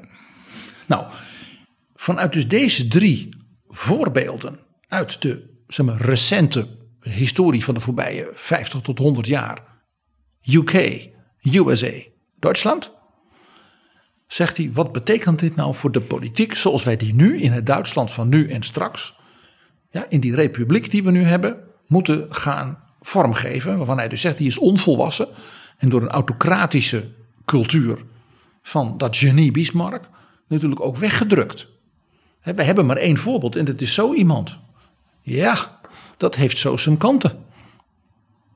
Zijn vader was natuurlijk als jong liberaal parlementariër ook geen groot bewonderaar van Bismarck geweest. Dat merk je hier dus aan. En hij zei: Kijk, er zijn dus twee invalshoeken voor de politiek. En dat is zoals die professionele standaarden van wetenschap als beroep. Daarom zijn die twee lezingen ook zo boeiend naast elkaar te lezen. Hij zegt, zoals de wetenschapper standaarden moet hebben van je zegt, dat is het. En dan maken we dus ook afspraken over. Je houdt je daaraan, anders ben je een knoeier. Dan is het plagiaat, allemaal dat soort uh, woorden. Hij zegt, dat moet de politiek ook hebben. En hij zegt, er zijn twee vormen die je dan kunt noemen. En daar heeft hij dus weer een klassiek begrip voor, wat je tot de dag van vandaag hebt. De zoveelste keer in het verhaal. Weber, de, de maker van die begrippen die die vakken definiëren. Hij zegt, je hebt gezinningsethiek en verantwoordingsethiek. Wat hij daarmee bedoelt, is dus een invalshoek dat je je laat leiden door een gezinning. Dus dat is een diepe gedachte, dat is een geloof, een ideologie. Of een verantwoordingsethiek, dat je zegt, ik moet voortdurend mijn beleid voeren vanuit de gedachte, hoe verantwoord ik wat ik nu doe met dat monopool legitiemer geweldzaamheid. Ja, je komt het ook in de huidige politiek kom je beide elementen uh, nog elke dag tegen. Uh, mensen die iets willen, die een, die een gezindheid hebben, die dus een richting uit willen. En mensen die ook zich moeten verantwoorden van ja, we wilden, ik noemde straks, uh, die kansengelijkheid bevorderen. Maar bereiken wij die ook op de manier waarop wij het beleid nu hebben vormgegeven? Ja, is een, het is een mooi en ook wat veilig voorbeeld voor, om uit te leggen. Hij zegt dus, de gezinningsethiek politicus, die zegt, kijk, uh, om die kansengelijkheid te bevorderen, uh, heb ik maar 2 miljard. Dus ik ga iedereen die meer dan een minimumloon verdient, volledig laten betalen voor de school van zijn kinderen. Ja. En al het geld gaat dus naar de kinderen van mensen van, van gezinnen op het minimumniveau. Want dat kunnen we dan nog betalen dan heb je dus de kansengelijkheid bevorderd. Ja. Maar tegelijkertijd waarschijnlijk grote delen van de samenleving failliet gemaakt. En dan komt de verantwoordingsethiek. Die zegt, ja, dat vind ik misschien niet de beste manier. Is het middel wel uh, het juiste middel voor om het doel te bereiken? Kunnen we dat geld niet besteden, bijvoorbeeld één van die 2 miljard, om de salarissen voor de leraren, voor de kinderen met achterstanden wat te verhogen, dat ze wat extra kunnen doen. En dat andere miljard om bijvoorbeeld de de, laat ik zeggen, de, de, eh, de kinderen gezonder te laten eten. Precies, en dan krijg je het politieke debat. En zelfs in een politiek landschap zoals het Nederlandse nu, waar uh, ja, de hele grote politieke verschillen eh, verdwenen zijn. Tenminste, dat is toch een beetje mijn idee. Niet de mijne, zoals je weet. Eh, dat je toch debat hebt over hoe gaan we dan al die prachtige doelen waar we het in grote lijnen wel over eens kunnen worden, Of niet over eens kunnen worden. ook in de kabinetsformatie, hoe gaan we die dan aanpakken zodat eh, de aanpak, het beleid zo vruchtbaar mogelijk zal zijn? En onthoud dus, wat Weber verantwoordingsethiek noemt, is dus niet pragmatisme. En gesinnungsethiek is dus in feite de ethiek vanuit een alles dominerende gedachte. En ik ben op dat punt dus wat kritisch op de vertaling in het boek. Wordt achterin wordt de vertaling eh, eh, dan, dan, dan, Ja, Hans Driessen schrijft achterin als verantwoording. eh, in het verleden is over het algemeen gekozen voor gezindheidsethiek bij gesinnungsethiek. Dat is verdedigbaar, maar dit woord heeft een sterke godsdienstige connotatie en roept daardoor een beperkter betekenisveld op dan Weber voor ogen stond. Daarom is hier, dus deze vertaling, gekozen voor het neutralere en ruimere woord overtuigingsethiek. Ja, ik moest echt lachen. Want in die hele speech van Weber gaat hij zeer gedetailleerd in op. Stel je nou voor dat ik als evangelisch christen de bergreden van Jezus zou vertalen als ideologie. En dat dus als gezinnungsethiek op Duitsland zou leggen. Dat is prachtig, die bergreden.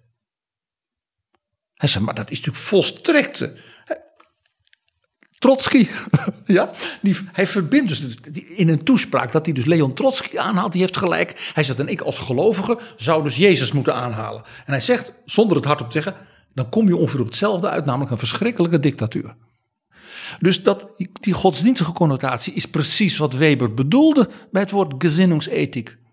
Die zegt, Trotsky is net zo'n fundamentalist als een jihadist of een salafist of iemand die zegt, ja, op grond van de Bijbel moeten wij de doodstraf eh, toepassen op echtbrekers. Dus ik vind dat een misser in de vertaling. Die opmerking wil ik even gewoon gemaakt hebben. Ja, hij zegt overigens er wel bij, verantwoordingsethiek blijft als vanzelfsprekend verantwoordelijkheidsethiek. Ja, daarom vind ik het ook zo grappig. Hij had dus behoefte aan het wegpoetsen van die godsdienstige connotatie. Waarvan ik zeg, dat is wel erg het Nederland van deze tijd. Terwijl het juist de kern is van een van de gedachten in deze reden. Ja, want eigenlijk was Weber in zijn denken hierover destijds al heel modern. Hij, hij zei, ik ben een gelovig man. Maar je moet natuurlijk bijbelteksten niet als het ware letterlijk op het Duitsland van 1919 toepassen. In de zin van, oh daar staat dit, oh dan doen we dat. Hij zegt, dat kan niet. Hij zegt, in de verwaard antwoordingsethiek kun je wel heel goed zeggen, omdat ik in een samenleving geloof waarin mensen op een nette manier met elkaar omgaan en we kinderen niet van honger laten omkomen, ga ik toch wat extra geld doen voor kinderen die misschien wel honger dreigen te hebben. Ja, Maar, dat, maar dat, is, hij zegt, dat is dan je politieke drijfveer. Hij zegt, dat is nog iets anders dan dat je het als ideologie, als absolutistische gedachte, het is zo en er is geen andere waarheid, op iedereen oplegt. En daarom dus dat hij een liberaal was in die klassieke zin. En omdat hij natuurlijk een evangelische Duitser was, kon hij zich politiek niet meteen vinden bij een man als Adenauer en er zijn er die bij dat die katholieke partij van het centrum hoorde.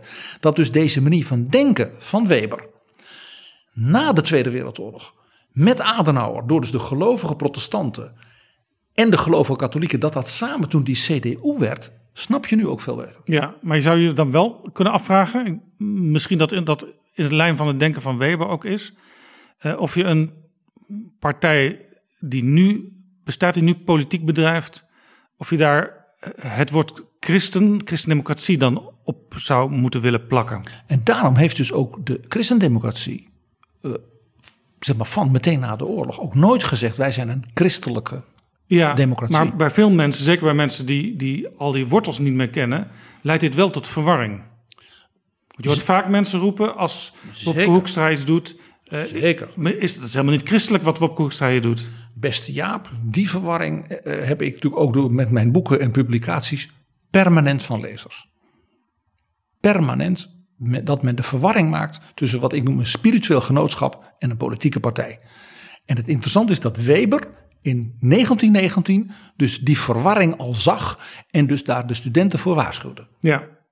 Maar in feite had Adenauer met het woord centrum, eh, die had wat mij betreft moderner toegepast dan eh, dat het later weer De CDU, CDU. werd. Ja, ik zeg altijd, dat weten eh, zeker de jongeren in het CDA van mij, dat ik wel een faible heb voor de naam van de Finse christendemocraten. En eigenlijk zouden alle christendemocratische partijen in Europa zo moeten heten. Kokomus. Kokomoes? Kokomus. Dat betekent, dat is uit het Zweeds vertaald in het Fins. Dus we hebben dus de Zweedse minderheid, die had een partij, waarmee de Finse christendemocraten zijn gefuseerd. Een soort hè, CDA-fusie. Toen hebben die Finnen gezegd, wij vinden de naam van onze Zweedse, veel kleinere partner zo mooi, die vertalen we in het Fins. Want die partij, die Zweedse partij heette Samlung. Verzameling. In het Fins nu vertaald als de Nationale Alliantiepartij. Dus de verzameling van mensen die iets met elkaar willen doen voor het land. Dus ik zeg wel eens spottend dat de christendemocratie in heel Europa Kokomoes zou moeten heten. En dan zou het CDA Kokomoes Holland heten. En de CSU zou dan Kokomoes München heten. Ja. Prachtig. De En, en de Forza Italia zou, van Berlusconi zou dan Kokomoes Italia heten. En als je de verwarring echt heel groot wil maken, dan moet je zoals de Waalse Christendemocraten je eigen partij Centre Democrate Humanist noemen. Ja, als je de verwarring volstrekt wil verhogen, dan is toch Kokomoes namen veel beter. Dankjewel, Peter. Was dit een... Nee, ja, je hebt nog iets, denk ik. Nou, wat, wat dus eh, Weber doet, dat hij zegt: ik waarschuw voor het absolutisme. Ja, dat kan schuilen achter gezinningsethiek. Hij zegt dus niet: het is fout dat mensen een diepe overtuiging hebben. Maar ik waarschuw voor het fundamentalisme als je dat als monopolie op dat staatsmonopolie gaat toepassen. En hij zegt: de verantwoordingsethiek is daarmee ook een uitdrukking van het feit dat democratische politiek altijd bescheiden moet zijn. Want mensen maken fouten. Mensen zijn niet volmaakt. Dus verantwoordingsethiek is ook een vorm van bescheidenheid. En hij zegt, en tegelijkertijd pragmatische daadkracht.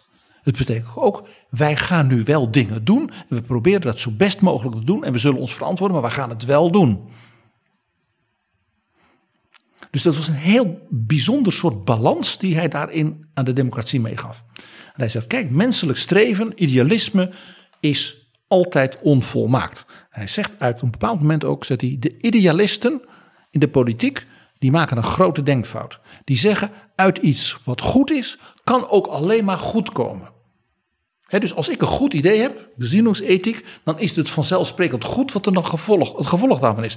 Hij zegt dat is volkomen fout. Uit iets goeds kan niet alleen maar iets goeds voortkomen.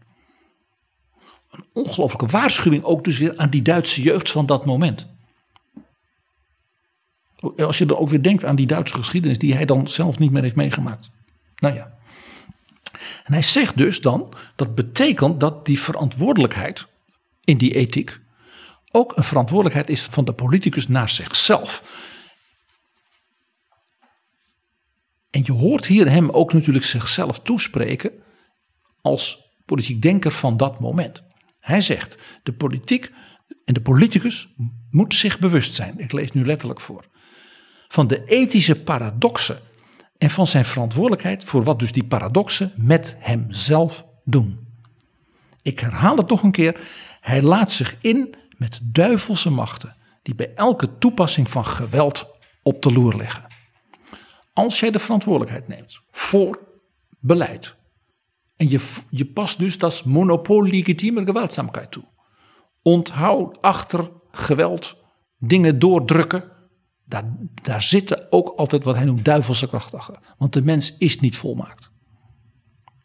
Uit iets wat goed lijkt, hoeven niet alleen maar goede dingen te komen. Ja, en hij heeft Max Weber, en misschien is dat ook aardig om daarmee af te sluiten. Hij heeft ook een, een hele praktische definitie gegeven van het politieke handwerk. Ja, helemaal aan het eind van zijn toespraak. Die studenten hingen natuurlijk aan zijn lippen. En dan komt hij, dan moet, hij, moest, moest natuurlijk een, wat, de, wat de, Belgen noemen, een orgelpunt komen. En dan zegt hij, kijk, ja, wat is de politiek? Zegt hij, politiek is krachtig en langzaam boren in harde planken met gedrevenheid en met augenmaas, met inschattingsvermogen. Besef dat je wat kan wel, wat kan niet. Augenmaas doet mij ook denken aan wat Wim Kok wel noemde uh, mijn timmermansoog. Dat is volstrekt Weberiaans. Augenmaas vertaald in het Nederlands als een Kokkiaans timmermansoog. Inderdaad. Dus gedrevenheid. Hij zegt als je politiek geen gezinnung hebt, ja, dan ben je alleen maar pragmatisch bezig.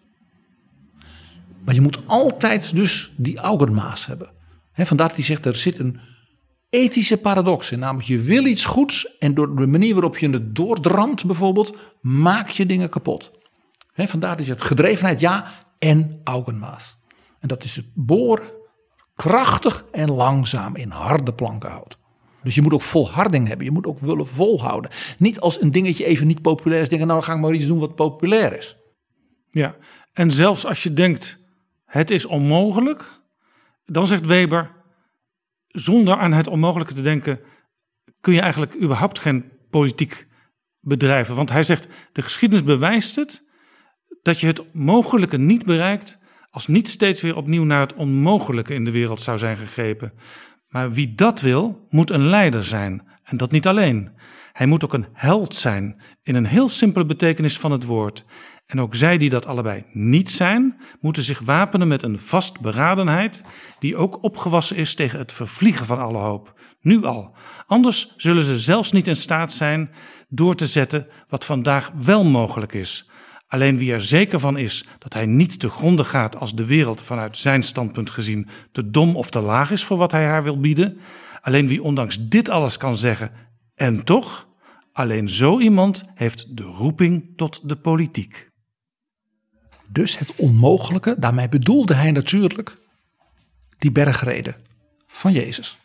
Vandaar mijn kritische kanttekening bij de vertaling. Het onmogelijke, dat, je, dat kan niet. Maar als je, dat, als je zo'n ideaal niet hebt, dan zegt hij ook, dan wordt het niks. En als je de wereld slecht en dom en laag vindt, dan wordt het ook niks. Nee, als je zegt, und toch, dennoch. We gaan dat ideaal niet bereiken, want we zijn niet Jezus. We gaan wel proberen wat dichterbij te brengen dat het eerlijker wordt en mooier en dat kinderen geen honger hebben, enzovoort, enzovoort, enzovoort. Toen de jonge Max Weber aan de Friedrich Wilhelm Universiteit in Berlijn in 1889, die wij nu kennen als de Humboldt Universiteit natuurlijk, promoveerde, toen moest hij zijn proefschrift verdedigen. Tegen een comité van hoogleraren. En je begrijpt, hij kreeg de ongeveer allerhoogste cum laude die er was. En daar zat natuurlijk een serie van de grootste Duitse geleerden. En halverwege zijn verdediging nam Theodor Mommsen het woord. Theodor Mommsen was zeg maar, de absolute nummer één van de historici in Duitsland. Theodor Mommsen. En die had zelfs de Nobelprijs voor literatuur gekregen. De man was dus echt wereldberoemd. En die zei toen, zoon, hij noemde hem dus zoon. Da hast du meinen Speer, meinem Arm wird er zu schwer. Dus eigenlijk geeft de oude professor, de Nobelprijswinnaar, die geeft zijn belangrijkste wapen over aan de jonge Max Weber. Da hast du meinen Speer, meinem Arm wird er zu schwer de manier waarop jij de wetenschap en de ideeën verdedigt. Ik, ik kan dat niet meer.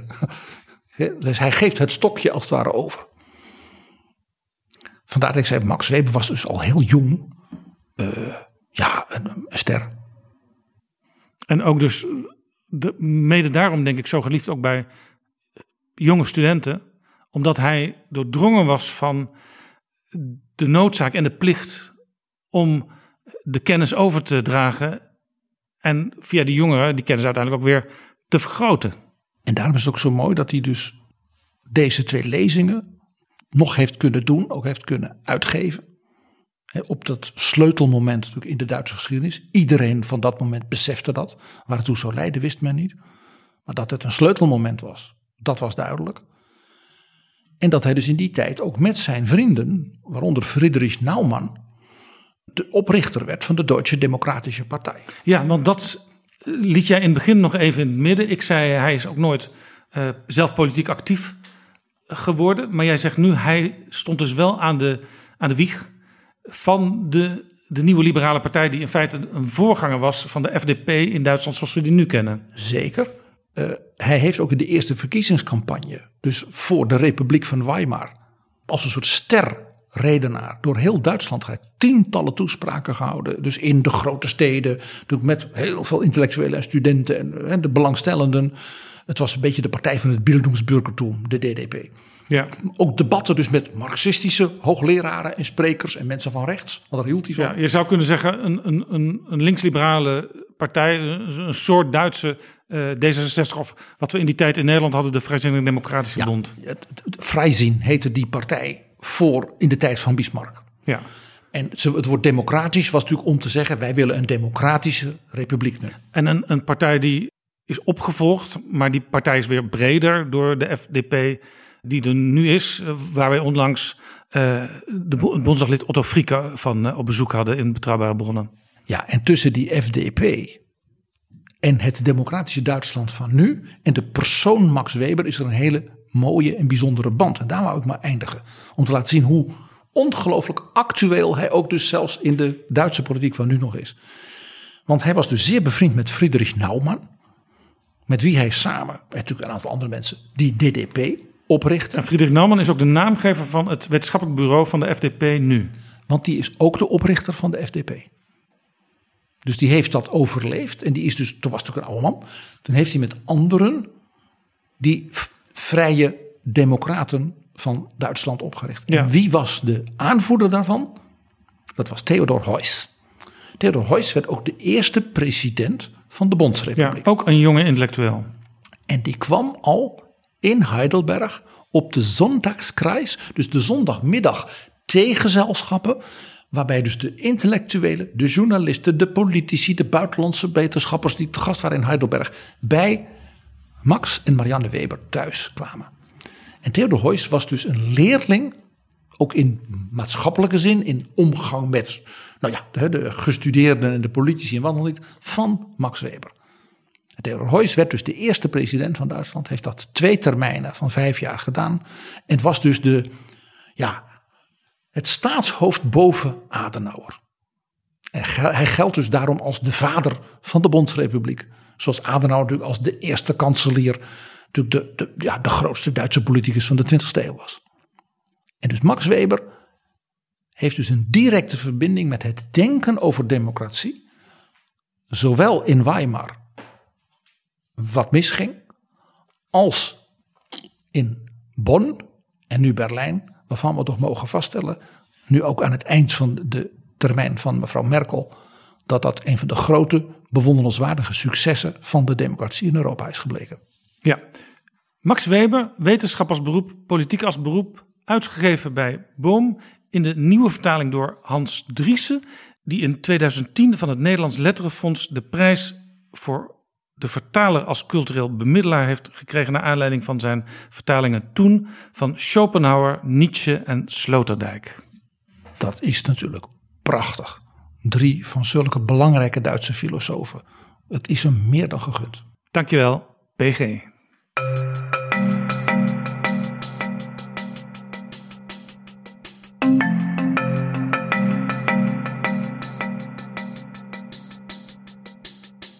Zo, dit was Betrouwbare Bronnen aflevering 208. Deze aflevering werd mede mogelijk gemaakt door de vrienden van de show.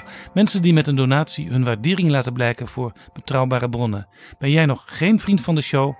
Laat daar dan nu meteen verandering in komen. Ga naar vriendvandeshow.nl slash bb en help deze prachtige podcast mede mogelijk maken. Tot volgende keer. Betrouwbare bronnen wordt gemaakt door Jaap Jansen in samenwerking met dag en nacht.nl.